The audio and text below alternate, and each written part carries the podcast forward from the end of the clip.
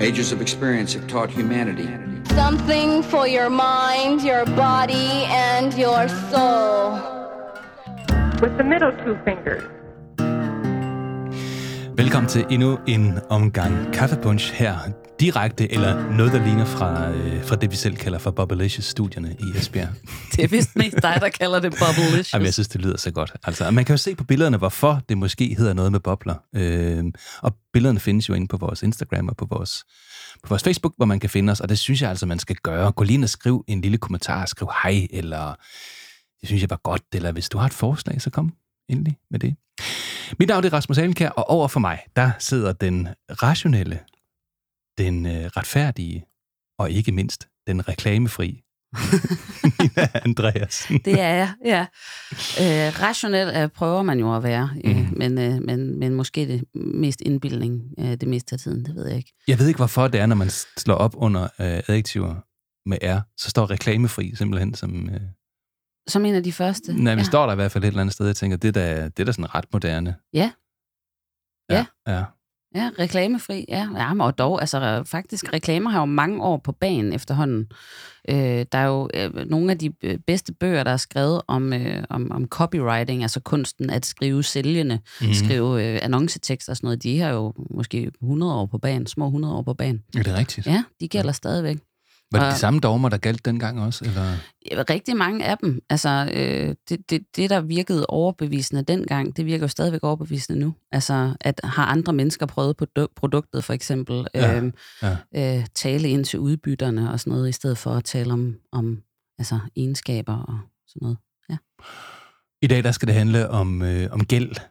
Det er lidt noget andet end reklamer. Og jeg ja. ved ikke helt, hvad jeg, hvad jeg skal synes om det emne, fordi det, det har sådan en eller anden negativ konnotation at stå i gæld til nogen. Mhm. Det kan også være positivt. Altså, man kan jo godt være i en eller anden form for sådan forpligtelse, og man har gjort nogen en tjeneste, og så står man et eller andet sted i gæld til dem. Og det vil man gerne stå, for man vil gerne gengælde. Men det kunne også handle lidt om økonomi. Ja. Ja. Og det er jo nok den vinkel, fordi det skal jo ikke være nogen hemmelighed, at det var lidt mig, der sagde, at vi er nødt til at have et afsnit om gæld, fordi det er noget, jeg har det rigtig, rigtig svært med. Mm. Øhm, og jeg har faktisk ingen gæld Du har Ja. ingen gæld. overhovedet. Nej. Øh, jo, jeg har et momsregnskab, der skal indleveres øh, på et tidspunkt, øh, og det skal betales noget moms, men, men det er jo ikke en gæld som sådan. Øh, men, men det har jeg ikke, og det har jeg ikke haft i mange, mange år. Mm. Øh, og, og i stigende grad, så føler jeg faktisk sådan, at, øh, at jeg går glip af noget ved ikke at have gæld. Fordi gæld kan jo faktisk også godt udmønte sig i en form for værdi. For eksempel, at man ejer et hus eller noget, ikke? Det er selvfølgelig rigtigt. Ja. Og der har man jo bare set ejendomspriserne bare skyrocket, ikke? Og hvor jeg har sådan tænkt, jeg går glip af noget. Altså, jeg tror, jeg er tidligt skadet, når det handler om det der gæld. For jeg kan huske en gang, jeg var til noget fodboldafslutning, og ja, jeg har gået til fodbold en gang. Og jeg kan også sige, at jeg var faktisk øh, første, eller hvad hedder det sådan noget, jeg var topscorer på øh, tredje holdet øh, på EFB's sandkassehold tilbage i 82. Jeg, jeg var virkelig dårlig til fodbold. Legendary. Men, men også, jeg kunne løbe hurtigt, og det var måske nok det, de brugte mig til som, som spydspids. Så jeg blev aldrig øh, den nye Michael Laudrup, eller hvad det var. Men vi havde været til fodboldafslutning, og så øh, var jeg et eller andet ude i en stadionhal og noget med, med et eller andet, og så købte jeg øh, sådan en lille peanut øh, mandel, chokolade, et eller andet, for 50 øre, som jeg havde lånt af en, der hed Jan. Jeg havde ikke lige nogen penge, så lånte jeg 50 øre. Og så kom jeg hjem, og så sagde jeg, øh, jamen jeg havde fået sådan en peanut chokolade, en, den havde jeg, jeg lånt nogle penge. Nøj, min far han blev sur. Nå, Okay. Det måtte man ikke. Man måtte ikke låne. Det måtte man ikke. Så jeg ved ikke, om jeg allerede altså, blev traumatiseret i en meget, meget tidlig alder. Måske var det bare fodbolden og Ja. dens væsen, der ødelagde mig. Jeg ved det ikke. Ej, det Men det er simpelthen, det er simpelthen øh, altså en værdi fra dit barndomshjem, det der med, at man stifter ikke gæld for at købe snoller. Nej, jeg tror, min, jeg tror, min far han overreagerede lidt, og jeg tror, han blev, øh, jeg tror, han ville gerne sikre sig, at jeg ikke gik rundt og lånte penge af folk, fordi jeg vidste jo ikke, hvad det var. Jeg, kunne, jeg, jeg anede ikke, at Nå, men så fik jeg de der 50 øre, og så kunne jeg købe den der. Det var da sådan set super fedt. Kan vide, om ikke man kunne bruge det til noget mere. men øh, ja, nej, det var, og det øvrigt, så var det jo sådan, man snakkede til børn dengang. Altså, det var jo nogle gange ikke super pædagogisk. Øhm, men i dag, der, øh, der skal det handle om en, der ved måske lidt mere detaljeret om, hvordan man kommer ud af en lidt større gæld Ja. end Vi- 50 øre. Vi har jo øh, været så heldige, at vi har fået lov at tale med Jeanette øh, Hindberg, som er øh, øh, forfatter og Mhm. iværksætter, Mhm. og øh, som for nogle år siden simpelthen valgte at, at, at springe ud, hvis man kan sige det sådan, øh, øh, at fortælle om sin rejse med at nedbringe gæld. Mm. Så skal vi egentlig ikke bare... Jeg synes simpelthen, vi lige skal prøve at høre, øh, høre lidt fra, fra Jeanette. For the Patriot Act All of these machines are alike in many respects. and against the Patriot Act. Learn to work like one. Hej Jeanette, er du øh, med på linjen? Yes, jeg hænger her. Det er bare godt at høre. Velkommen til. Tak. Jeanette, øh, du øh, valgte jo for øh, en del, ah, nogen, hvad en tre, tre år siden, øh, at ligesom gå, gå meget offentligt ud i forhold til, at, øh, at du havde nogle, nogle udfordringer med noget gæld. Kan du ikke fortælle lidt om, øh, hvad det var for en situation, du stod i på det tidspunkt? Jo, det var i januar 2020, øhm, hvor at for inden der to måneder før, eller sådan noget, du ved, op til jul, hvor det altid er svært, når man er skide fattig. Altså, øhm, jeg som sædvanligt levede fra paycheck to paycheck, altså, og ikke engang det, fordi omkring, når vi var 20 dage inde i måneden, så havde jeg ikke flere penge tilbage, og så måtte jeg låne af folk, og Ja, endda min egen søn. Og det, øhm, jeg tror nok, at det var der, hvor jeg havde det sådan, okay, du skylder din søn nu øh, over 40.000 kroner, var det endt med, fordi det har jo ligesom foregået over lang tid. Så det havde jeg ligesom ikke lyst til mere, vel? Og øhm, altså, når man har en masse gæld og sådan nogle ting, som jeg havde der, øh, så har man bare heller ikke nogen frihed til, hvis man eventuelt godt kunne tænke sig at flytte, som jeg kunne. Øh, så jeg tænkte, at øh, nu måtte jeg ligesom gøre et eller andet. Okay. Og hvor, hvordan, hvad var de første skridt, du tog? Øh, ja, men det er, altså, jeg er sådan en, der hænger ud på YouTube og ser alt muligt mærkelige øh, amerikanske videoer, og jeg var faldet over øhm, amerikanske husmøder, eller de behøver ikke at være husmøder, men øh, kvinder, som der sad og, og lavede deres budget på YouTube, altså de viste ikke sig selv, de viste bare deres hænder og deres budget, og jeg tænkte, nå, det var sgu da meget spændende, så det sad jeg og kiggede på, og de havde jo så de her systemer, og øhm, var meget inspireret af ham, Dave Ramsey, øh, den amerikanske økonomiguru der, han har nogle baby steps, man kan følge, øh, for at få en god økonomi. Og jeg kiggede på det der og tænkte, nå, det vil jeg også.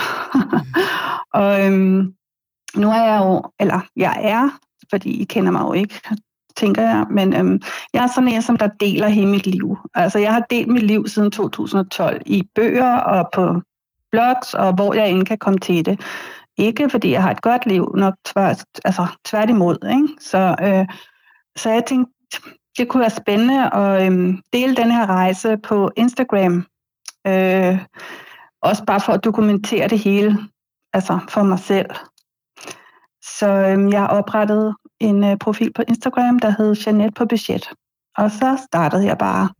Jeg vil godt lægge de props til det navn der. Det synes jeg, det svinger super godt. Ja, var, altså, var, var heldig af det at rime på budget. det, det, det, det, det, det, det er ikke sikkert, det indholdsmæssigt er så attraktivt, men altså som et, et, et slogan, altså, damn! Jo, og der skal det sgu man, da skide godt. og til, de, til dem af lytterne, som ikke øh, kender øh, Jeanette, så er hun jo, du er jo også forfatter øh, og har udgivet en del bøger, øh, så, så det her med at, at, at have en god øh, hånd om sproget, det er jo heller ikke sådan helt fjernt for dig. Nej, det er det ikke. Det er, sådan, det, er, det er jo altid spændende at finde på, på nye ord og sådan nogle ting. Ikke? Altså, jeg har min egen lille... Ja, yes, men jo, det var, det var sådan, jeg, jeg skulle i gang med at, at dele ud af, af det her i hvert fald. Ja. Og jeg fulgte jo så øh, altså de der systemer, som jeg havde lært øh, på fra alle de der amerikanske møder. det var sådan, jeg gik i gang. Så ja, det var super spændende. Hvad, så, altså i første omgang, så det noget med at ligesom få overblik over, øh, hvor, altså, hvor galt står det egentlig til? Ja, altså, jeg vidste det ikke på det tidspunkt øh, overhovedet. Altså, jeg var sådan en, der i, altså, virkelig, altså, jeg ved ikke, hvor langt tilbage at, at I gider at høre, men det, altså, jeg har haft det svært før i tiden i mange år. Altså, min barndom var lort med en alkoholisk mor, og har bare altså, virkelig øh, haft det rigtig svært, og ikke nogen til at lære mig om økonomi, ligesom I lige talte om før. Så jeg har ikke haft nogen forældre, der har lært mig om noget, og den her gæld, som jeg havde, det meste af min gæld, det er jo sådan en rigtig gammel gæld. Øhm, som jeg stiftede for lang tid siden, og, og, og jeg har bare sådan stille og roligt ignoreret det. Altså, så var jeg på kontanthjælp i mange år, inden jeg blev forfatter, øh, og, og jeg havde bare en lorteøkonomi, og jeg havde aldrig nogen penge, og øhm, jeg, jeg ignorerede bare min gæld så. Øhm, så jeg vidste ikke, hvem jeg, hvem jeg skyldte, altså, og, og hvad jeg skyldte, og du kan ikke gå ind bare på din års opgørelse. Det er der mange, der spørger om. Kan man se et sted, hvad, altså, hvad man skylder i det hele. Men det kan man ikke. Man kan se noget af det, men det er ikke alle, der opgiver. Hvis du ikke betaler på gælden, så står det som regel ikke på årsopgørelsen. Så jeg vidste ikke. Så stille og roligt måtte jeg så finde ud af, for alle mine gamle rykker, der lå sådan med støv på rundt omkring i skuffer, øh, hvem jeg skyldte, og hvor meget jeg skyldte. Og det endte med, at jeg fandt ud af, at jeg havde 21 gældsposter og skyldte 409.000 kroner væk. Jesus. Det må godt nok have Yes. været en mavepuster. Yes, det var, fordi det var jo renter meget af det, ikke? Ja. Så, øhm, så, Så, så det er var altså ikke, fordi sjovt. du har, du har optaget 400.000 i gæld. Det er simpelthen, fordi der er løbet renter og Nej. renter og renter på. Ja, altså hvis du tænker tilbage fra den gang, hvor at man kunne oprette en konto i Lyngby Center eller magasin eller et eller andet, Nå, sådan noget så der. var det det, jeg gjorde. Så det er altså forbrug, ikke? Altså, så, altså jeg skulle ligesom også have nogle ting, og min søn han skulle i hvert fald ikke mangle noget, så hvis jeg ikke havde pengene, så måtte jeg ud og låne dem, ikke? Mm. Så det var sådan nogle kontokort, jeg havde. Altså, det er jo urimeligt sindssygt, hvad der ryger på af renter i årenes løb, ikke? Ja. Nej, så- fordi det er jo ikke sådan nogle så det er jo bankrenter, sådan. det er, jo, det er jo sådan nogle af de der renter nede i en butik, hvor det er, er sådan altså ret massivt, Yes. hvad de kan slippe afsted med at putte på, ikke? Jo, altså ligesom ja. kviklån er i dag, ikke? Sådan noget der, ja. Ja, Ja, hold da op.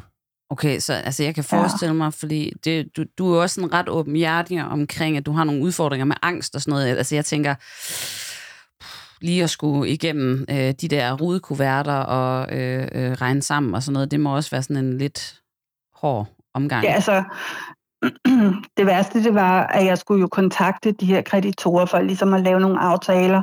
Øhm, og, og jeg er virkelig dårlig til at tale i telefon. Jeg hader at tale i telefon med fremmede mennesker. Så øhm, jeg startede med at skrive e-mails, men jeg fandt hurtigt ud af, at øh, det er sådan meget standard svar, du får. Så der, der er ikke noget personligt i at få, altså, tale med folk. Altså en kreditor på den måde, vel, via e-mail. Så jeg begyndte at ringe op i stedet for at og, og fik lavet nogle meget bedre aftaler på den måde. Altså, og der var ikke nogen, der spiste mig, sjovt nok. Det, Nej.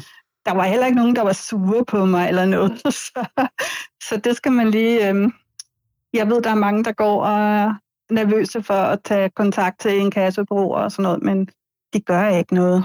Nej.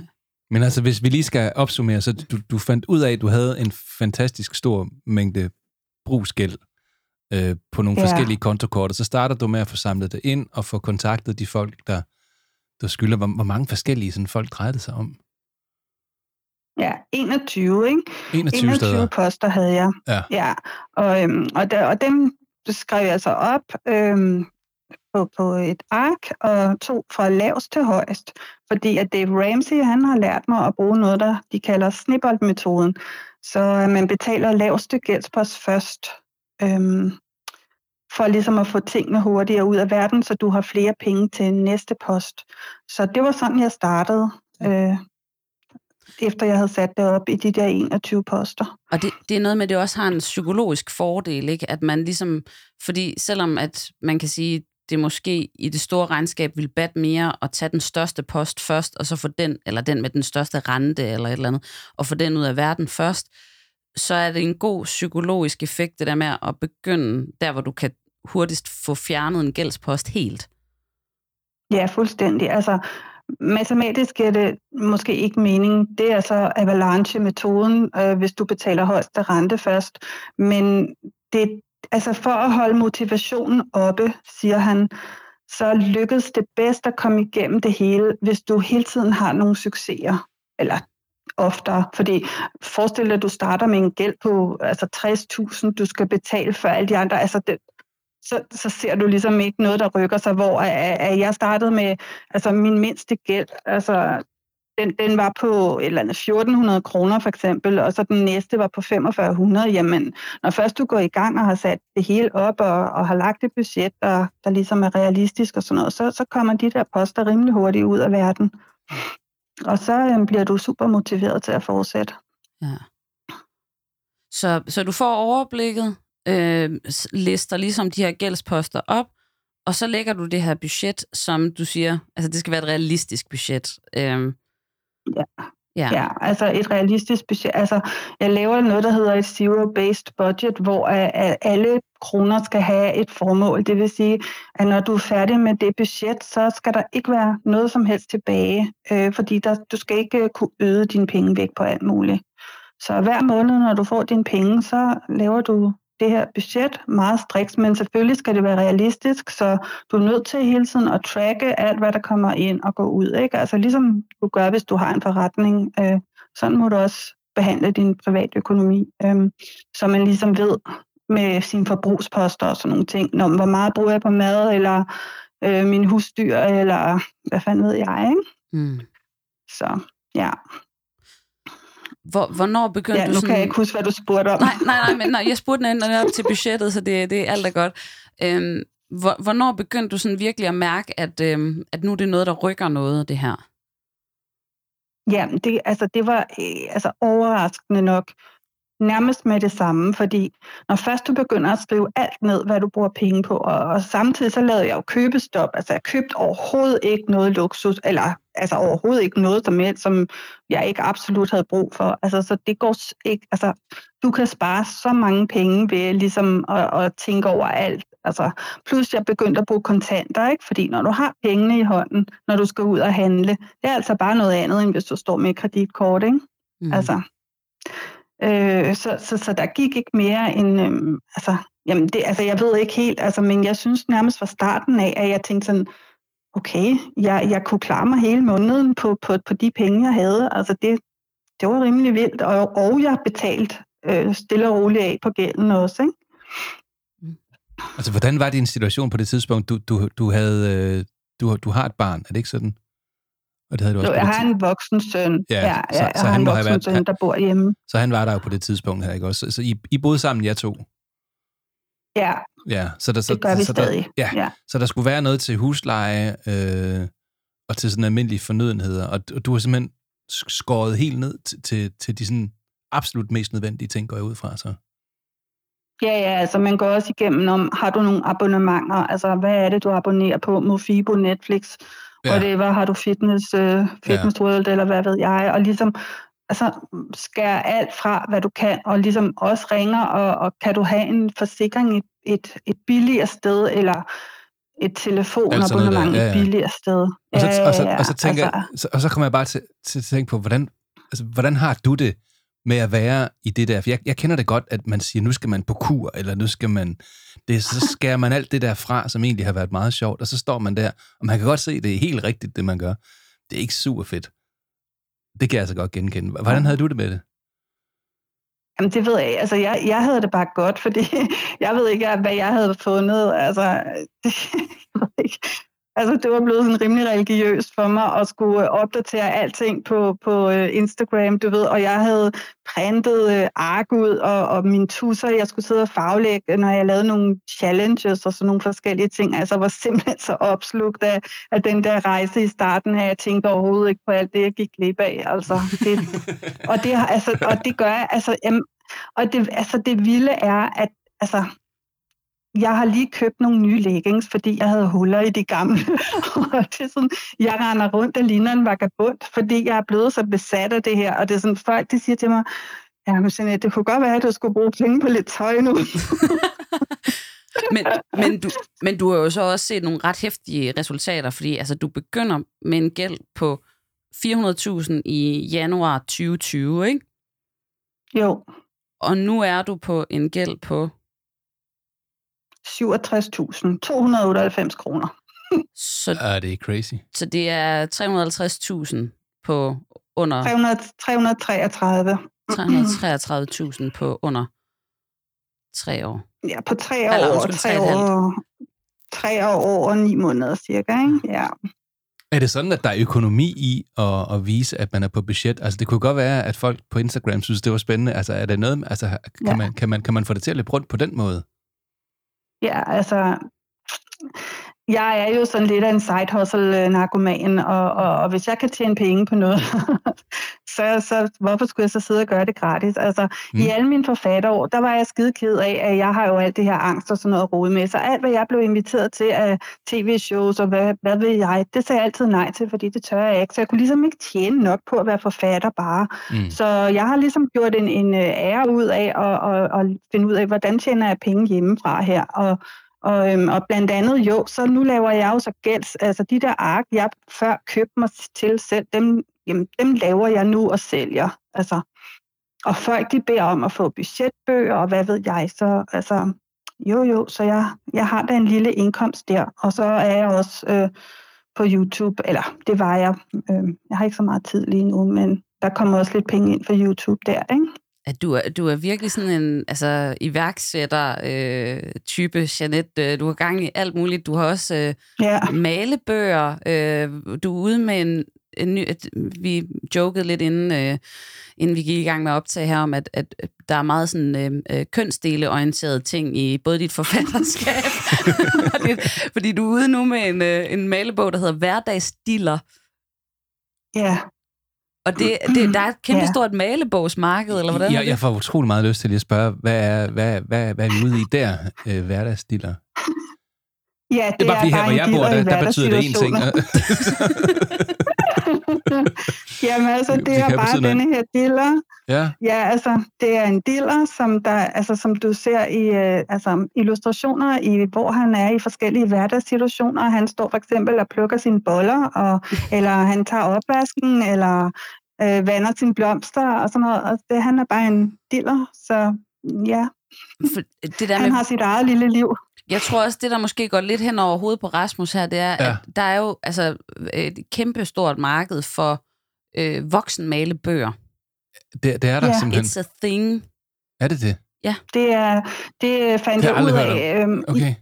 Nå, okay. Nej, godt. Men min, ho- altså, min hovedindkomst nu er at sælge malebøger på Amazon. Det var sådan, jeg kom i gang. Altså fordi jeg fandt ud af, at man kunne sælge malebøger eller notesbøger, whatever, alle mulige bøger på Amazon. Så øhm, jeg tænkte, det skal jeg prøve det her. Så jeg fandt nogle, jeg har jo altid mange idéer, og så nogle citatmalebøger. Øh, de, de er meget populære med bandeord. Altså, hvis der er nogen, der banner, så er det mig.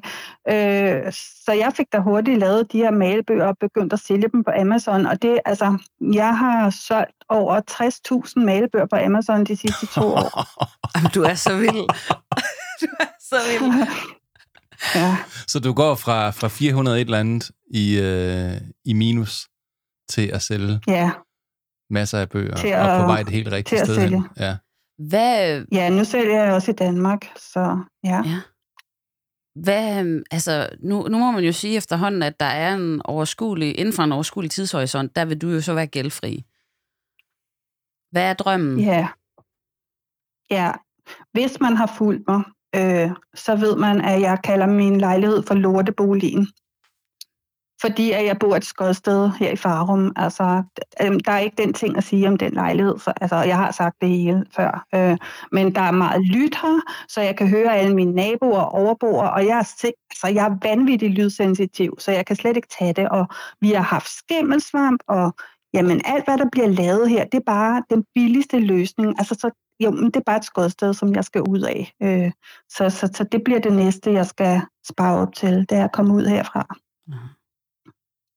Og kæft, hvor er du sej. Altså, det er, det er vanvittigt godt gået. Det må man sige. Tak. Det må man sige.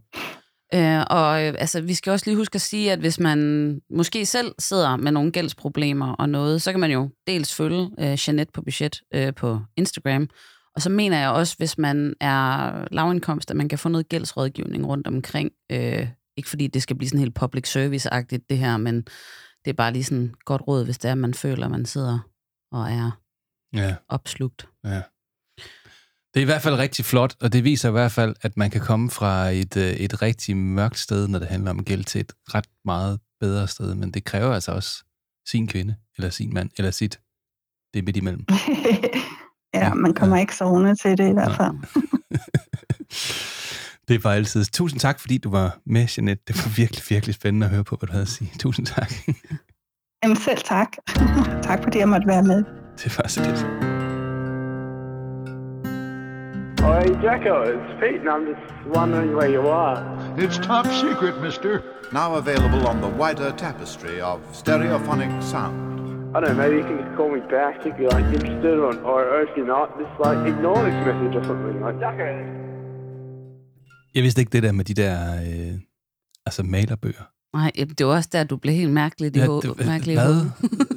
Men det er simpelthen en ting. Altså, har du malerbøger? Altså, nej, nej, det har jeg ikke, men Nej. uh, it's a thing, og jeg, jeg ved ikke helt, hvad det handler om. Jeg tror, det er en afstressningsting. Altså, at det er sådan man, lidt retur til, du ved, akustiske... Ja, sådan nogle, sådan analog ikke, ikke men jeg synes bare, at det lyder bedre at sige akustisk. Jeg ved ikke hvorfor. Ja. Det, det, det siger jeg altid til mit foredrag.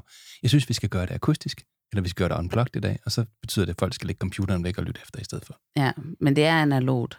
Det er det da. Ja. det er det da. Nå, okay, det er en ting. Altså, jeg vil lige sige, altså, jeg får den tanke, øh, og det er faktisk lidt glemt at svedt ud, øh, lykkeligt, men jeg har været med i Luksusfælden en gang. Gud, det er rigtigt. Det har jeg. Du var, øh, altså, og, og nu, nu lyder det som om, at du var der, fordi du havde shoppet stort ind, men det var ikke, altså, Nej, det var det ikke. det var altså, ikke det. Nej, det var i, i Luksusfældens, hvad hedder det, spæde, spæde tidsalder, hedder sådan noget. Spædestart. Spædestart, ja. Tilbage i en 2009-10 stykker eller sådan noget, der havde jeg en øh, psykologpraksis øh, nede i Havnegade i Esbjerg, som sjovt nok ligger nede ved havnefronten. øh, sådan en, en, en, en gade, hvor der primært bor læger og tandlæger og psykologer og den slags der. Så der havde jeg sådan en, en, en praksis ned. Og så havde øh, produktionsfirmaet, der laver luksusfælden, simpelthen øh, valgt at, øh, at finde et par i Esbjerg. Og øh, så skulle de så bruge en parterapeut. Og der skal man vide om mig og Jeanette, at der er vi nok ikke helt anderledes. Mm. Fordi vi siger ja til hvad som helst, der kunne give lidt eksponering. så de ringer ned, så siger de, Rasmus, at vi skal bruge en parterapeut. Så siger det er ikke mig, jeg, ikke, jeg ved ikke noget om parterapi. Jamen, du er psykolog, ikke? Jo, jo, men vi, og så sagde han, vi, det, kan, altså, er det ikke, kan du ikke lige tage den her? Så, så kommer vi forbi, og så, så kom der sådan et par, og det første, den første gang, jeg ser dem, det er, når de kommer ind ad døren. Man kan simpelthen se det på det klip, der ligger på YouTube. Øhm, og det er helt imod, stik imod alle regler. Altså alt, hvad jeg står for, og sådan, at man skal selvfølgelig afklare, at det er okay, I kommer ind og snakker med mig, og du ved, man starter da ikke med kamera. Og sådan. Det var imod alt, hvad jeg stod for. Men jeg var lige nystartet, og jeg skulle, øhm, Ja.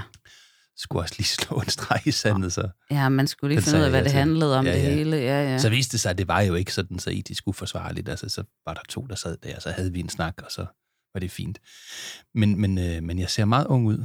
Øh, det var i min såkaldte Randers-fase, som mine børn kalder det for. Randers fase, hvad? Ja, hvad ja, de, mine, mine børn siger, at jeg lignede en, der kommer fra Randers. Jeg ved ikke, hvad der ligger i det, men, men jeg formoder, at det ikke er specielt charmerende. Nu, vi har jo mange øh, lyttere i Randers. Jeg vil godt sende skud ud til, til, Mm. øh, til, til Randers. Jeg har lige været der, eller Mm. haft nogle forløb derop. Så det, det er en, en, faktisk en lidt overset by. Mm. Faktisk en hyggelig gågade deroppe i øvrigt. Øh, men det var min Randers-periode. Så jeg var med i Luksusfælden, og, øh, og, og undrede mig egentlig lidt over, altså, hvor, hvorfor er det, folk melder sig til den der slags? Fordi det, det er jo lidt på samme måde med Jeanette, Ja. der har valgt at gå ud og være, og være entreprenant omkring Ja. sin gæld. Men hun har jo så haft nogle ressourcer, altså nogle, nogle menneskelige ressourcer til Ja. at kunne, øh, kunne lave researcharbejdet til at finde ud af, hvordan filen griber jeg det her an. Ikke? Mm. Og, og der tænker jeg, at dem, der melder sig til luksusfælden, det er nok nogen, hvor de bare står og tænker sådan, mm, aner ikke, hvor vi skal, hvilken ende vi skal tage det fra. Jeg var besat af luksusfælden på et tidspunkt, øh, Okay. og jeg tror faktisk, at, øh, altså, fordi jeg måtte ikke se det, øh, men, men jeg var nødt til at se det? det. Ja, og, det, var- og jeg Okay. kunne faktisk ikke lide det menneske, jeg blev, fordi øh, jeg, øh, Altså, du måtte ikke se det for hvem? øh, for Lasse, altså min, ja. Min bedre halvdel. Øh, øh, fordi at, at det blev sådan en besættelse for mig simpelthen. Jamen, jeg tænkte, det kunne godt være, at du havde givet dig selv et dogme, at du måtte ikke se det, men det var det, var Lasse, der sagde nej. nej. Nej, okay. jamen, han ville ikke rigtig se, og men altså, jeg tror, det var det der med, at, at det er jo altid spændende at se folk i sådan lidt ekstreme situationer. Mm. Øh, men jeg kunne faktisk heller ikke lide det menneske, jeg blev, når jeg så det, fordi jeg blev sådan lidt bedre viden og sådan, nå okay, nå, men så har jeg jo meget godt styr på det, agtigt. Tror du, Ja. tror du ikke lidt, det er lavet til det? Jo, jo, det er det da 100%, men så er spørgsmålet jo så, om man ligesom vil altså, være med på den galej. Ja. Ja, fordi det er mennesker i underskud, og det er mennesker, som... Det kan jeg ikke lade være med at synes ud fra et psykologisk synspunkt, mm. at, man, at man lidt, altså, man lidt smider sin værdighed. Mm. Men man ved heller ikke helt, hvad værdighed er. Altså, det, det, det er mennesker, der ikke helt kan tage den der kritiske stillingtagen. Ja, Til, er det en god idé for mig nu, der er i uføre, at vise det? eller så er de så desperate, at de ser det som deres sidste mulighed, ikke? Jo, men man kan vel godt få økonomisk rådgivning, uden at der er et kamerahold, Ja. går jeg ud fra. Ja, Jeg ved det ikke. Men folk de stiller jo op til alt muligt. Min, min seneste besættelse er jo det der, øh, vi drukner i rod. Det kan jeg heller ikke stå for. Det er fantastisk. Nå, det er sådan noget, hvor de skal rydde op? Eller? Ja, ja, men jeg kunne sidde i timevis bare og glo på folk, der rydder op. Det er så tilfredsstillende. Ja, det er nu rigtigt. Ja. Det er nu rigtigt. Men det er interessant det der med, at folk de er i gæld eller et underskud, eller noget, som i hvert fald er, er, er, er ikke ønskeligt. Og så, så vælger man at, at sige, det, det, det skal hele verden følge med i. Men man ser jo så også, også nogle, nogle, nogle eksempler på, at de så bagefter tænker, at det her det var ikke rart, da det først bliver klippet og kommer ud. For Ja, vi skal huske på, at det er tv, og der sidder en, en producer, som siger, at det er den her historie, vi skal fortælle, og det er ikke sikkert, at det var den samme historie, man selv synes, der skulle fortælles. nej, det er rigtigt. Men man kan sige, at gæld øhm, er jo øh, flere ting. Altså, der er selvfølgelig det her med pengene, øh, men, men der er jo også øh, den samme følelse, sådan, nu ved jeg ikke, hvordan du har det, men man kan jo godt have den her følelse af at stå i gæld til andre mennesker også. Mm. Det nævnte vi jo Og Ja. følelsen tidligere. er lidt den samme for mig. Øh, altså, jeg, sådan, Altså med økonomi. med, med økonomi og Ja. med, med det der med at stå i gæld til mennesker. Jeg kan ikke, jeg kan ikke lide det. Øh, det føles virkelig ubehageligt. Ja. Og, og jeg tror, jeg har nemt ved at føle, at jeg står i gæld, faktisk. Måske også lidt for, for nemt. Så nogle gange, så skal jeg lige minde mig selv om, sådan at det, det gør jeg måske ikke. Altså. Okay, det skulle jeg have vidst, fordi kan du huske, at vi var på... Vi endte på vinbaren sammen med vores bedre halvdel. Mm, Ikke? Og så står vi op ved baren, og så tænker jeg, jeg, jeg, jeg giver lige en øl, Mm. fordi det lige stod der. Og det kunne jeg godt se, det havde du faktisk lidt svært ved. Ja, Jamen, det, jeg har, vidste jeg ikke, har Nina. Det må du Nej, nej, det skal, det skal du ikke. Du må altid godt give øl. Men, men jo, men jeg, men jeg er sådan meget, jeg tror, det er sådan en lille ret, indre retfærdighedsfascist. Ja. Øh, sådan det der med, du ved, enhver skal svare sit. Så, så, så det er det der med at holde styr på, sådan, hvordan er blevet. Nu skal jeg jo ud på en længere rejse lige om lidt øh, Mhm. øh, med min øh, kæreste og min svigermor. Og der har jeg været sådan meget, kan vi ikke lave en fælles konto med et kort til, og så kan vi sætte penge. Fordi det der med, jeg kan ikke lide sådan, hvis jeg har et eller andet ude at hænge, hvis jeg skylder noget, eller... Og sådan noget med, hvem skal give? I skal til USA jo, skal ja. Vi sige. Ikke? Og vi har altså, som, som tidligere nævnt i et andet afsnit, påtænkt at lave et, et transatlantisk afsnit Ja. af Kaffepunch. Så kan vi jo lige tage et check-in på, hvordan det går med at føle sig i gæld til andre mennesker. Men, Men, men så tænker du simpelthen, det var faktisk en god idé, så kunne I lave sådan en fælles konto, og så, når der nu skulle spises eller et eller andet, så Ja. tog man bare betalt ud fra den der konto der.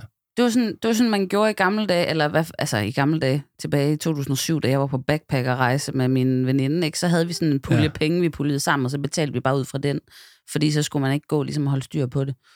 Men, øh, men, men altså, det, det er lige så meget, altså det er ikke sådan, det er ikke kun fordi, jeg er nøjeregnende, men det er selvfølgelig også lidt, men det er lige så meget, jeg kan ikke lide det der med sådan fornemmelsen af, skylder jeg nogen noget? Det føles så ubehageligt. Ja. ja. Hvorfor et, forhold har du egentlig til penge? Altså, hvad er penge for noget for dig? Øhm, det har, der er ebbe og flod i mit liv. Ebbe og flod. Der er lavvand, og der Jeg er troede, du højvand. skulle til at tale om en eller anden bank, bankrådgiver, der hedder Ebbe Flod. nej, nej øhm, altså, jeg havde på et tidspunkt, øh, som mange andre jo, noget SU-gæld. Øhm, og der glemte jeg at betale tilbage, og det viser sig, at det bliver de ret sure over. Øh, så de skrev, øh, at nu ville de gerne have alle pengene på én gang, og det kunne jeg ligesom ikke betale. Og så, øh, så ringede jeg til dem heldigvis. Hvor mange penge drejer det sig om her? Jeg tror, det var 70.000 eller sådan Det noget. er jo stadigvæk en klasse. Det er, det var en klat. Ja. Øhm, og så ringede jeg til dem, og så, så fik vi sådan, så, jamen, du kan få en afbetalingsordning. Men det, der sker åbenbart, når øh, det går fra SU-styrelsen til Gældsstyrelsen, det er, at i stedet for, at det koster et eller andet 900 kroner i kvartalet at afdrage, så koster det lige pludselig en eller anden øh, procentdel af ens indkomst. Mm-hmm. Så, så det vil altså sige, at jeg kom ud som nyuddannet, arbejdede et år, glemte så lige at betale tilbage, så ville de have det hele og det her. Og så hver gang jeg ligesom fik en lønstigning, så opdagede jeg det ikke. Fordi at de regulerede jo bare den der afbetaling på det der SU-lån, så, så det, det gik ligesom OP op. Øhm, så det betød jo, at jeg levede for sådan relativt beskedende penge. Øh, Ja. og, og på et tidspunkt, så, da der er gået nogle år med det, så tænker jeg, jeg vide egentlig, hvordan det går med, med det der gæld? Og så ringede jeg til dem, og så siger de, øh, jamen, øh, du har sådan set betalt det hele. Nå. Og så viser det sig så, at, øh, at jeg har også betalt for meget, fordi jeg har glemt at stoppe det igen. Øhm, Og egentlig meget fedt, at man har et system, der ikke siger, godt, nu har vi egentlig fået det, vi skal have. Ja, ja. Men det, vi Det siger sådan, du nej, bare ved. Men så fik jeg sådan en, en klækkelig øh, check. Men, men det gode ved det, det var, at jeg havde jo ligesom vendet mig til, at jeg skulle ikke bruge så mange penge. Øh, så jeg begyndte simpelthen at spare de penge op, som jeg før havde brugt på SU-lån, Ja. i stedet Ja. for. Ja. Sådan at jeg kunne få en buffer. Og det hang også sammen med, at jeg sådan havde nogle oplevelser i mit arbejdsliv, øh, blandt andet en, en arbejdsplads, der gik konkurs, hvor jeg sådan begyndte at få den der sådan lidt ængstlige fornemmelse i forhold til, kan jeg regne med, at der kommer en løncheck og sådan noget. Så jeg begyndte simpelthen at spare op, og da jeg så skiftede job og fik et markant lønløft, så begyndte jeg simpelthen at spare halvdelen af min løn op hver måned. Okay. Øh, og det betød, at da jeg sprang ud som selvstændig, der havde jeg tre års løn opsparet. Okay. Øh, og det er måske også sådan lidt af angstpræget. Altså, man kunne måske godt have lidt mere tillid til tilværelsen, end at man skal det sikre ikke. sig selv i tre år, inden man gør noget, ikke? Ja, det er da en frihed, altså. Ja. Altså, det er bare sjovt, det påvirker os nogle tidlige oplevelser. Øhm, nu kan vi lige tage en tur tilbage til min barndom. Den er så hyggelig fra... Jeg er født 72, så jeg har, jeg har oplevet 70'erne, jeg kan ikke rigtig huske dem. Jeg kan huske 80'erne. Øh, men det, der jo var dengang, det var, det var, man kaldte det jo altså fattig 80'erne, og det var altså ikke uden grund, fordi det var ikke, fordi vi havde specielt mange penge. Og mine forældre var, øh, var begge to skolelærer, og øh, havde fast arbejde og gik på, på arbejde, men, men lavede heller ikke andet, og havde ikke sådan, altså, andre ting, man sådan lavede on the side, som man kunne få penge for. Hvilket er et helt andet tema, vi skal snakke om, fordi så nogen som os to, vi, vi laver jo mange ting. Gøjlere. Ja. Vi gøjler jo, og det skulle vi faktisk også have et helt afsnit om. det kommer på et tidspunkt. Vi har lavet en aftale med en, det siger vi ikke noget om. Det kan man godt tænke lidt over. Øhm, men, men, men pengene var ikke meget, og huslånene var helt vanvittige. Altså, det var sådan Det var noget, 30 procent. 20-30 procent, man, man, man, øh, man, man, man skulle give, ikke?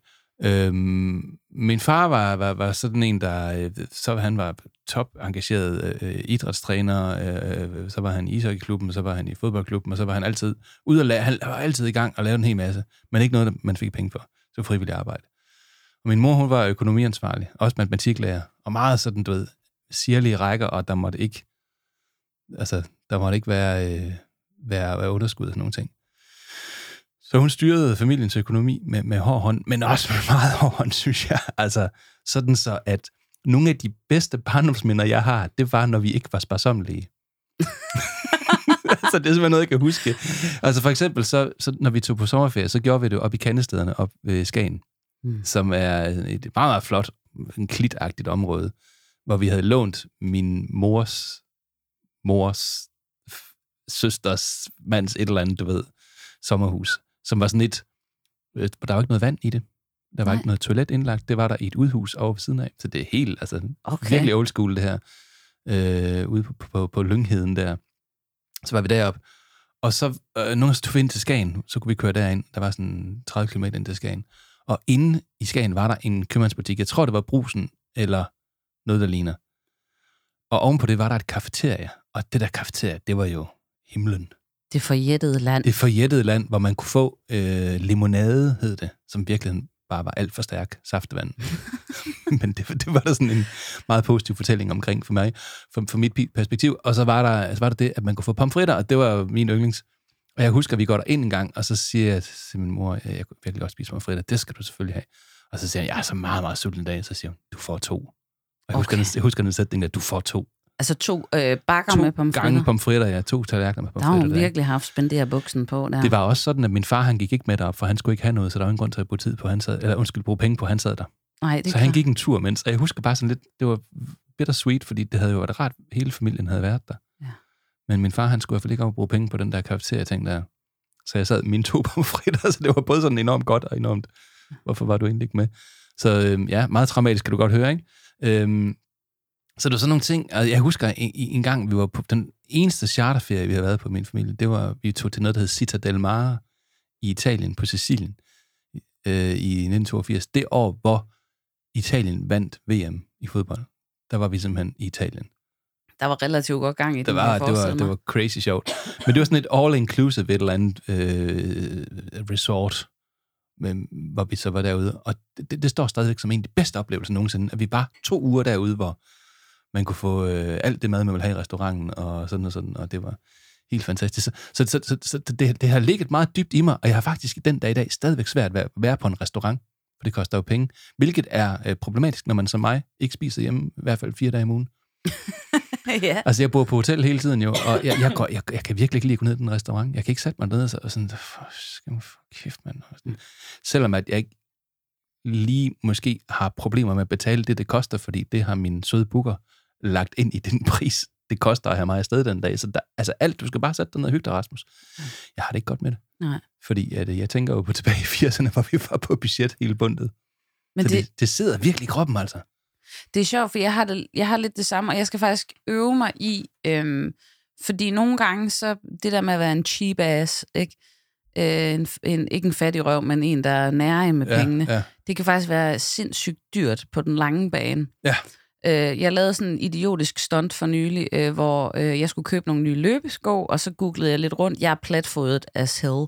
Øh, fuldstændig flat, der er ikke noget der. Hvad betyder platfodet egentlig? Betyder det, at man har sådan en... Man har en fuldstændig lige, altså der er ingen vrist, det er bare helt fladt. Okay. Øh, og så googlede jeg sådan lidt rundt, og så fandt jeg nogen, hvor, hvor, hvor det var sådan, det skulle så være godt for det. Og, og de var sat ned fra 1200 til øh, 600, altså Mm. mm. halv pris. Bingo, tænker jeg, dem køber jeg. Og så får jeg dem hjem, og så kunne jeg godt mærke sådan, okay, de var måske sådan lige, lige til den lille side, men, men jeg tænkte, "Ej, men jeg kan bare gå dem til, og jeg gad jo heller ikke sende dem tilbage igen. Mm. Og nu havde jeg jo sparet 600 kroner på dem og sådan noget. Og efter to dage med de der sko, så måtte jeg bare sige, "Bøh, altså det går ikke det her. Altså Nej. de var simpelthen for små. Og det var for sent at sende dem tilbage igen, ikke? Og hvor øh, der er jo altid en samler og en spreder i et parforhold. Jeg er helt klart samleren, Lasse han er helt klart sprederen. Altså han øh, kan godt tage spenderbuksen på, ikke? Og hvor han sådan siger til mig, nu går du altså ned i Intersport, så får du dem til at kigge på dine fødder, og så får du dem til at vælge nogle sko, og så betaler du det, det koster. Ja. Og så endte jeg med at gå ned i Intersport, købe øh, et par rigtig, rigtig dyre sneaks, købe øh, et par rigtig, rigtig dyre fodformede indlæg til dem, efter de havde lavet sådan en 3D-scanning af mine fødder og sådan noget, ikke? Og det er jo meget, meget bedre. Og, og det er jo nogle sko, som jeg kommer til at kunne beholde i rigtig lang tid. Altså også i øvrigt går i hver eneste dag. Og på den måde, så er det jo ikke en, en dyr investering. Og kom, at du mangler ikke pengene, så hvad skulle du ellers bruge dem til? Ja, ja, præcis. End, end at gå, Præcis. ikke at have smerter. Ja. Altså, men det er bare sjovt, sådan nogle ting, der sætter sig i... i, i, i altså, det er fuldstændig irrationelt, Mm. at jeg sidder der for mig selv, og man kan sige, det kan godt lyde romantisk, det der med at bo på hotel. Det er det ikke. Nej. Det, man gør, det er, at man bor på en etværelses uden køkken, Ja. Hvor ikke man kan låse døren. For det tror man ikke, du kan godt... Nej, det kan du ikke. Alle, der arbejder på det sted, har nøgle til dit værelse. ja. Så jeg har sådan en ting stående foran døren, og jeg har, hvad hedder det, sådan en lås, man kan købe, som man kan skrue i.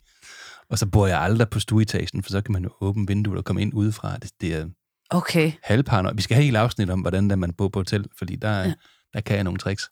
Og jeg ved, hvad for nogle hoteller, man ikke skal bo på i Danmark i øvrigt, Okay. og for nogle, man helst skal bo på. Men, men så sidder jeg der helt for mig selv, ikke? Og, og, og det har jeg det jo rigtig godt med.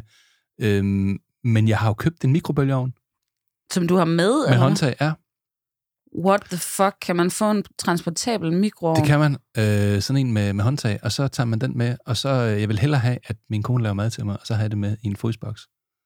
Okay. Også, også bare fordi, jeg gider ikke ned og sidde i en restaurant, og så kommer man ind, hvad kan vi tilbyde i aften? Ja, eventuelt et fjernsyn, at jeg må smække mine fødder op og sidde i mine øh, shorts eller underbukser. Men det kan jeg jo nok ikke tilbyde. Så øh, Okay, altså så, så det er faktisk ikke... Altså det er lidt nærhed, men det er også fordi du egentlig... Altså det er også en præference. det er helt klart et spørgsmål om, man gerne vil have et privatliv. Mm. At, at, at, at det, det, det huer mig ikke, at jeg skal ned og sidde. Det der med pengene er jeg sådan mere eller mindre kommet over. Det, jeg kan godt finde ud af det, også fordi jeg bliver virkelig punket af min kone, som også er min chef og min booker, som siger, Rasmus, jeg har lagt det ind i budgettet, du skal gå ned og få dig noget ordentligt at spise, det ved du også godt. Øhm, men så er der også sådan noget med, at det jo er, er jo restaurantmad, og det er jo ikke fordi, de skruer ned for kalorierne, og mm. hvis der er noget, der er svært, når man er på landevejen, så er det bare at holde en, en form. Ikke? Det handler jo om at få sovet ordentligt, at få spist ordentligt, at få trænet.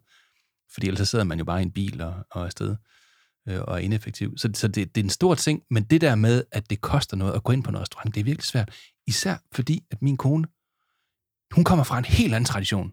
Der er det bare altså, der gælder det om at gå på restaurant. Mhm. Mm-hmm. Altså, det, det, det, de er vokset op med. Altså, de, de, så, så går de ud, så skal de, ej, så skal de prøve nogle restauranter, og, og, og det er det, min kone siger. Nu skal vi prøve dem alle sammen, og vi skal have hele menukortet. Og så er jeg bare, "Mm, er klar, hvad det koster, Louise? Jeg siger, Ras, er du, jeg har penge nok, du skal nok klare det. Jeg kan ikke, jeg kan ikke, jeg kan ikke få det ind i det, der hedder mit kognitive skemata, som er min, som er min grundlæggende forståelse af, hvordan verden fungerer. Det er så sjovt. Altså, jeg føler mig sådan lidt, øh, sådan lidt øh, bipolar på den, fordi øh, altså sådan i hverdagen og sådan noget, der kan jeg også godt, ah, take away, og sådan, uh, uh, nu vælter jeg et glas her. Øh, Ja. Der kan jeg godt være sådan lidt, men så kan jeg godt nogle gange være sådan, okay, nu skal den fandme bare have en på goddagen, altså. Mm. Og så er det, øh, ja, så er det ud og, og spise rigtig fint, og med, med stridende lillefingre og sådan noget. Ja.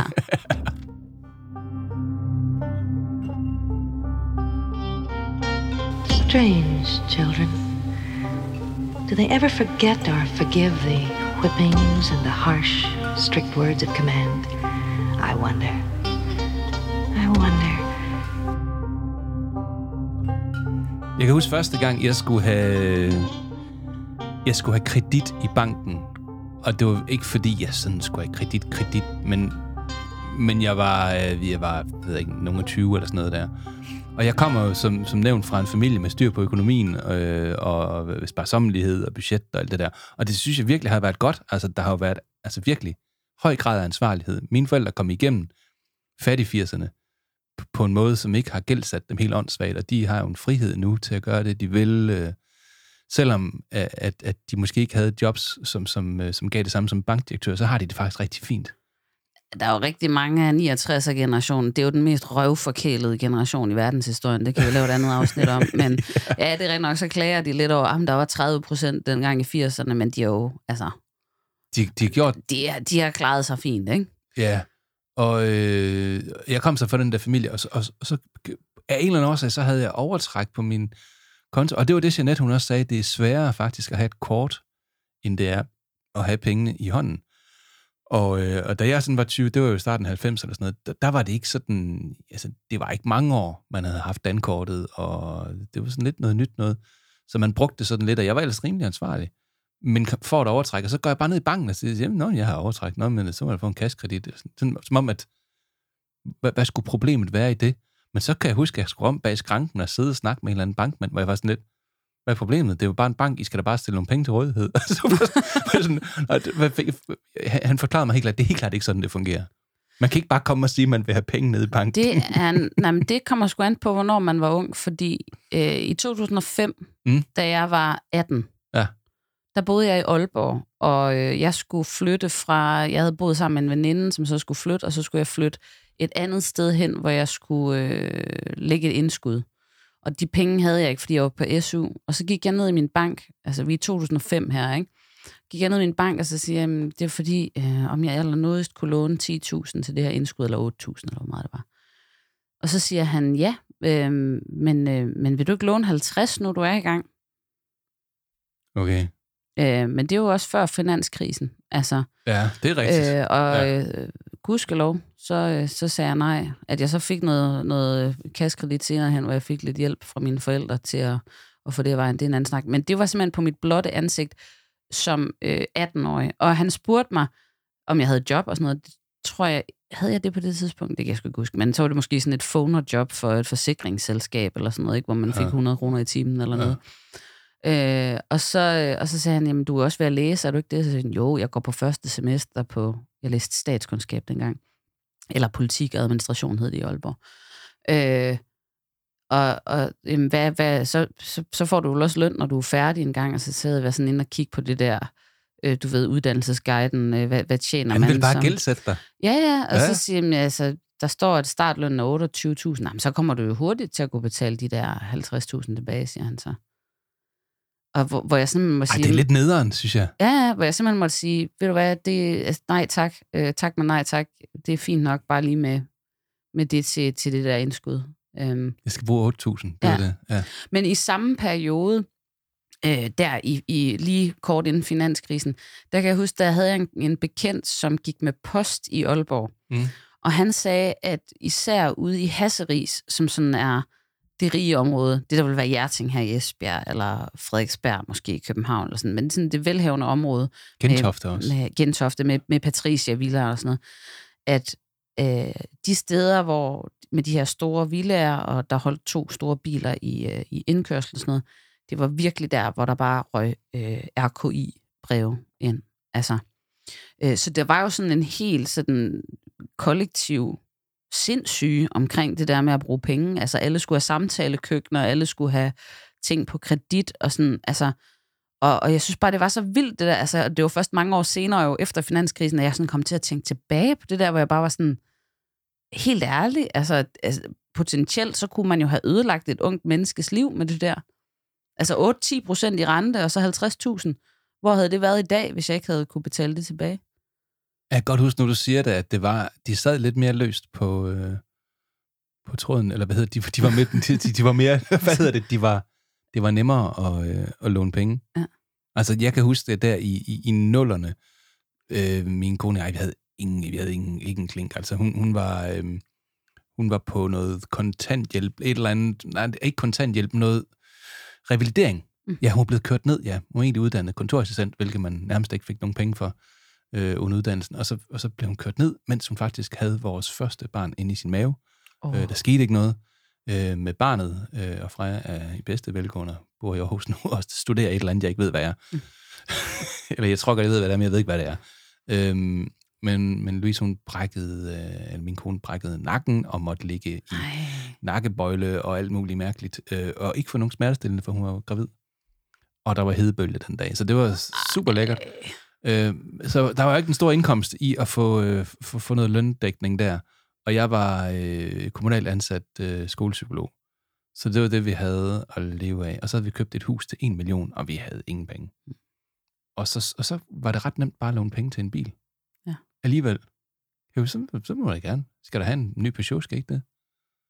Øh, øh. Ja, skal der have? Det kan da godt, at vi skal have en ny nu Du du har siger fortjent det. en bil, og du har fortjent et samtalekøkken og en fladskærm. Og jeg tror altså ikke, det var gået på samme måde, havde det lige været øh, et par år senere. Nej.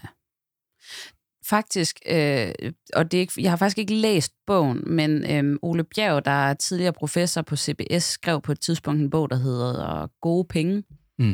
Øh, jeg har set nogle interviews med ham, det jeg har ikke læst selve bogen. Men, men i den, der fortæller han, at øh, fordi det er jo bankerne, der laver penge, det ved jeg ikke, om du er klar over. Altså, det er jo ikke Nationalbanken, der laver penge. Ja, du har nævnt noget. Prøv lige, prøv lige at fortælle, ja. hvordan...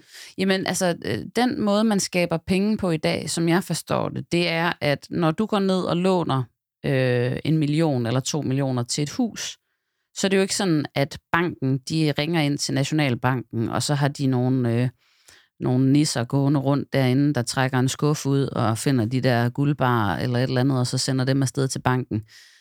Det, det er simpelthen din bankrådgiver, der taster to millioner ind på en computer, og whoopty, så er der to millioner kroner i omløb, som ikke ville have været der før. Mm. Så det er jo sådan, det er jo sådan Det helt er vildt science fiction, at forstå det der. Altså. Matrix-agtigt, ikke? Ja. Og øh, før finanskrisen, øh, der var der omkring 400 milliarder kroner i omløb i Danmark. Efter finanskrisen, der var der 800 millioner i omløb i Danmark. Altså milliarder til millioner. Så, oh, milliarder, undskyld, Okay, også milliarder. milliarder. Ja, ja, det, det dobbelte. Ja, det dobbelte. Ja. Så det vil sige, at man har altså fordoblet pengemængden i Danmark gennem gæld på en sådan noget 10-årig periode. Mm. Agtigt. Øhm, og det, altså, det, det er simpelthen mindboggling for mig, det der med... Og, og, og den gæld, hvem, hvem er den til? Jamen, det er jo... Altså, Er det til banker, eller til... Jamen, altså man kan sige, i princippet så... Som Er jeg det forst- udlandet? Eller, Nej, nej, nej, men, men det er jo penge, der ikke... Altså, det er penge, penge der ikke findes, Ja. før du låner dem. Det er så- svært for sådan en psykologtype som mig at forstå jeg, det der. Jeg forstår det heller ikke. Men, men, men det er, altså, når du går ned, så taster de nogle penge ind på øh, computeren, og så findes de penge inde på computeren. øh, og de penge kan du så købe et hus for, Ja. ja. hvis det er det, du, du har øh, lånt dem til. Ikke? Ja. Så, så, og så betaler du jo så, øh, det de tjener penge på, det er jo nogle renter og nogle bidrag og sådan nogle ting. Mm. Men det, det er den måde, man, man reelt skaber penge på i Danmark. Er det ikke vanvittigt? Jo, det er meget svært at forstå. Ja. Men, men hvad, hvad var det, der var vores segue til det her? Har ingen anelse. Jo, noget, jo, noget med, med, med finanskrisen snakker vi om. Det, det var den, vi Ja, lige det dykkede tilbage til. finanskrisen, ja. ja.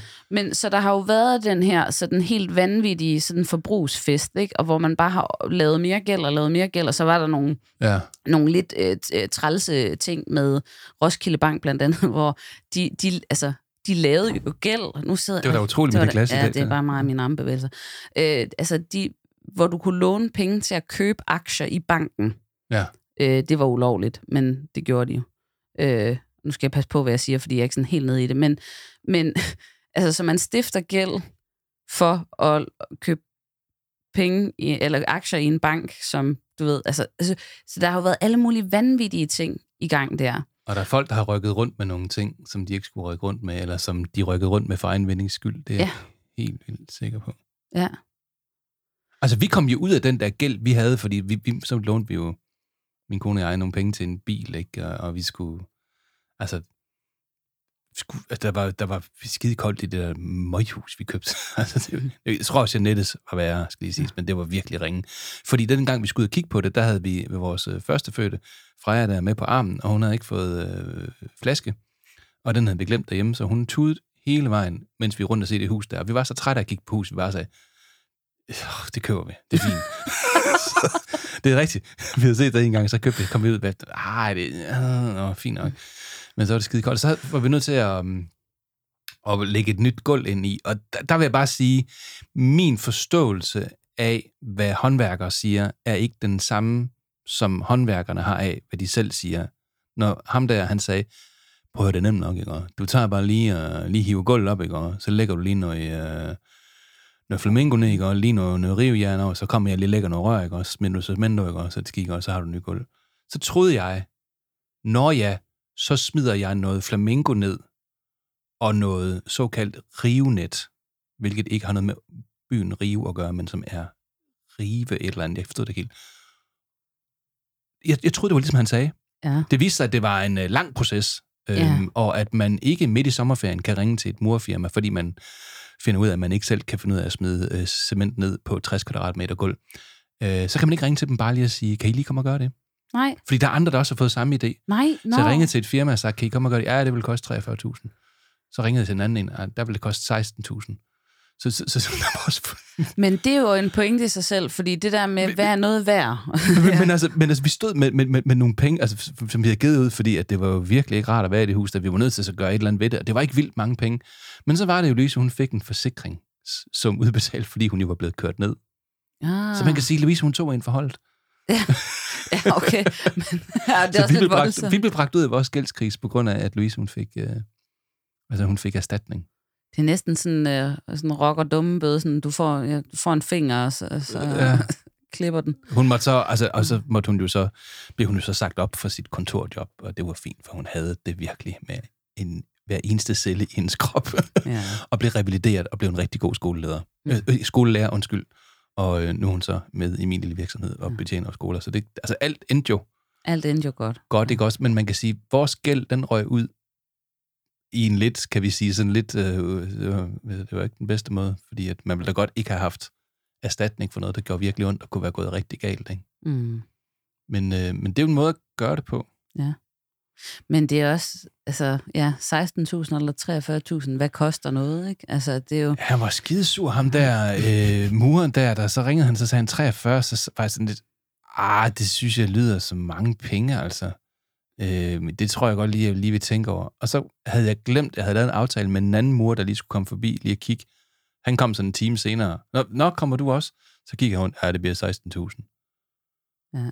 Nå, så, så ringede ham der med de 43, og så sagde jeg til ham, jeg tror, jeg takker nej til det tilbud. Han blev så sur og skældt ud, og Nå. Hvad kostede det øh, for mig i timen? Og sådan, det ved jeg ikke, jeg arbejder for, kommunen, så det, det spørger dig. Han blev så sur over, at han lige pludselig var, at, at jeg ikke havde sagt ja til hans tilbud, der var tre gange dyrere. Ja. ja. Men, Ja, men, men- det var jo men- folk, der spekulerede på det tidspunkt der, og var ligeglade, og går den, så går den. Jamen, værdi er jo også en sådan lidt arbitrær størrelse. Altså, man kan selvfølgelig regne det ud i, ja, hvad, hvad, hvad får man i timen, for eksempel, ikke? Men, men hvad er et hus værd? Altså, du kan jo bare se på Vurderingsstyrelsen nu. Altså, der er nogle hus, der lige pludselig er en milliard værd, som før havde kostet måske en million. Det er, og og, og det, det, det, det er så mærkeligt at gennemskue, hvad, hvad, hvad der har været. Ja, men det er jo øh, i sidste ende købers marked, ikke? Eller, ja, det er jo ikke nødvendigvis, det kan også være sælgers marked, men, men det afhænger af, hvad folk er villige til at give for noget. Hvordan tror du, det er med unge mennesker og gæld i dag? Altså, hvis vi sådan, nu, nu, nu er jeg jo sådan en middelalderne type, og du er sådan lidt midt imellem. Du er jo nogen af 30, ikke? 36. 36, ikke? Ja. Så du er jo ikke helt Nogen ung. af 30, Er- det kan jeg er- godt er- lide. Vil, vil du sige, at du er ung, eller hvad er du egentlig? Ja, altså, jeg, jeg føler efterhånden, at jeg mentalt passer til min alder. Øh, Jeg har jo altid været en gammel mand indeni. Øh, jeg ved ikke, jeg er et eller andet sted midt imellem, tror jeg. Ja. Okay. Øhm, jamen, hvordan har de unge det? Jeg, altså, Øh, ja, jeg, jeg er jo mest at gøre med sådan nogle ret heldigvis sunde, unge mennesker, som er meget, altså også mere fornuftige, end jeg var, tror jeg. Men, men, øh, men that's it. Altså, når jeg bare ser på, hvad jeg får af reklamer for lånemuligheder og sådan noget. Altså, jeg får konstant øh, reklamer for, så kan du låne mellem 2.000 og, og 2 millioner øh, til din virksomhed fra et eller andet Mm. kviklåns lignende, og det tager 10 minutter at ansøge, og så har du de penge. Altså, og det er jo bare, øh, altså, som, som selvstændig, jeg får dem, øh, kan vide, hvad de bliver udsat for af alt muligt andet kviklåns hejs.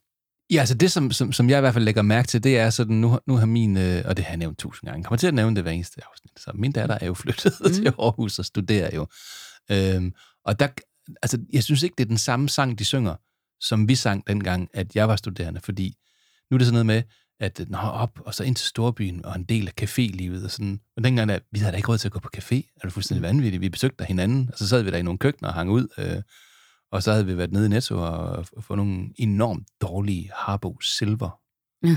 Kan du huske den? Nej, Det, det, det gør ikke noget. jeg har jo altid sværet til dansk pilsner. Jamen, den det er, er så skidt, det der. Og så var der også en, der hed Ren Pilsner. Det var forfærdeligt. Det kostede to kroner og sådan noget for en øl. Så, så, så, ja, så dengang havde vi, altså vi gik da ikke bare sådan på café, så ikke hang ud på værtshus. Det kan jeg ikke huske, vi gjorde i hvert fald. Øh, Altså nu er jeg jo jo, vi gjorde, vi gjorde, lidt i weekenden selvfølgelig, ikke også hang vi ud der, men det var jo ikke sådan noget, man gjorde sådan til, til hverdag. Hvor i dag, der er det meget almindeligt, at man, så hænger man ud af en del af det miljø og får takeaway mad og sådan, hvor, Ej, takeaway og sådan noget, det var heller ikke så meget, som jeg husker det, men, men nu er jeg jo journalistuddannet, og alle ved jo, at journalister drikker som huller i jorden. Så, så, Og ryger. Så, og der, jamen, øh, der var ikke det, der ikke blev gjort. Øh, øh, men men øh, der, blev, der blev sgu kørt nogle, nogle bajsalademader ind der Mhm. øh, i weekenderne og sådan noget. Men vi havde også noget, hvor vi... Om weekenderne var jo Ja. en ting, jeg tænker, men det der med sådan, at det var en del af det miljø, man var del af. Altså, jeg ønsker mig, at jeg havde været det. Mm. Men jeg synes bare, det virker som om i dag, når man skal være studerende, jamen, så er man del af et eller andet cafémiljø, så sidder man og hænger ud der, og det virker bare som om, at der er flere penge i omløb blandt de unge mm. i dag. Mm. Det, det kan også godt være, at det er mit indtryk. Det kan også Men godt de være, at det er bare Rasmus, der er betale. tilbage i fodboldhallen 1980 og har lånt øh, 50 øre til, til, til, Men hvis du ser, hvad et værelse koster i København, for eksempel, så er, Det er jo jo slugt på det er det. helt vildt. Øh, altså, det er jo... Jeg har en, jeg har en veninde, som har en etværelses øh, lejlighed i Nordvest. Jeg tror, den koster 9.000 om måneden. Det er jo fuldstændig vanvittigt. Ja, det er mere, end vi giver i bidrag for et kæmpe stort hus i Esbjerg. Og der må man kunne komme i noget gæld, altså når man har studeret. Ja. Til, noget, som, som giver en rigtig fin løn, men som jo ikke giver en løn, som man til overflod og med stor hast bare kan tilbage til- betale en eller anden Mm. Kæmpe gældspost, fordi man har tilladt sig at have et liv i en, i en periode, mens man har været studerende, ikke? Ja. Ja, hold da op. Ja. Vi må håbe, at vi aldrig rigtig kommer i den helt store gæld, for det er da helt klart øh, bedre at slippe for. Men man kan jo altså komme ud for, for det ene og det andet, der man kan være. Ja.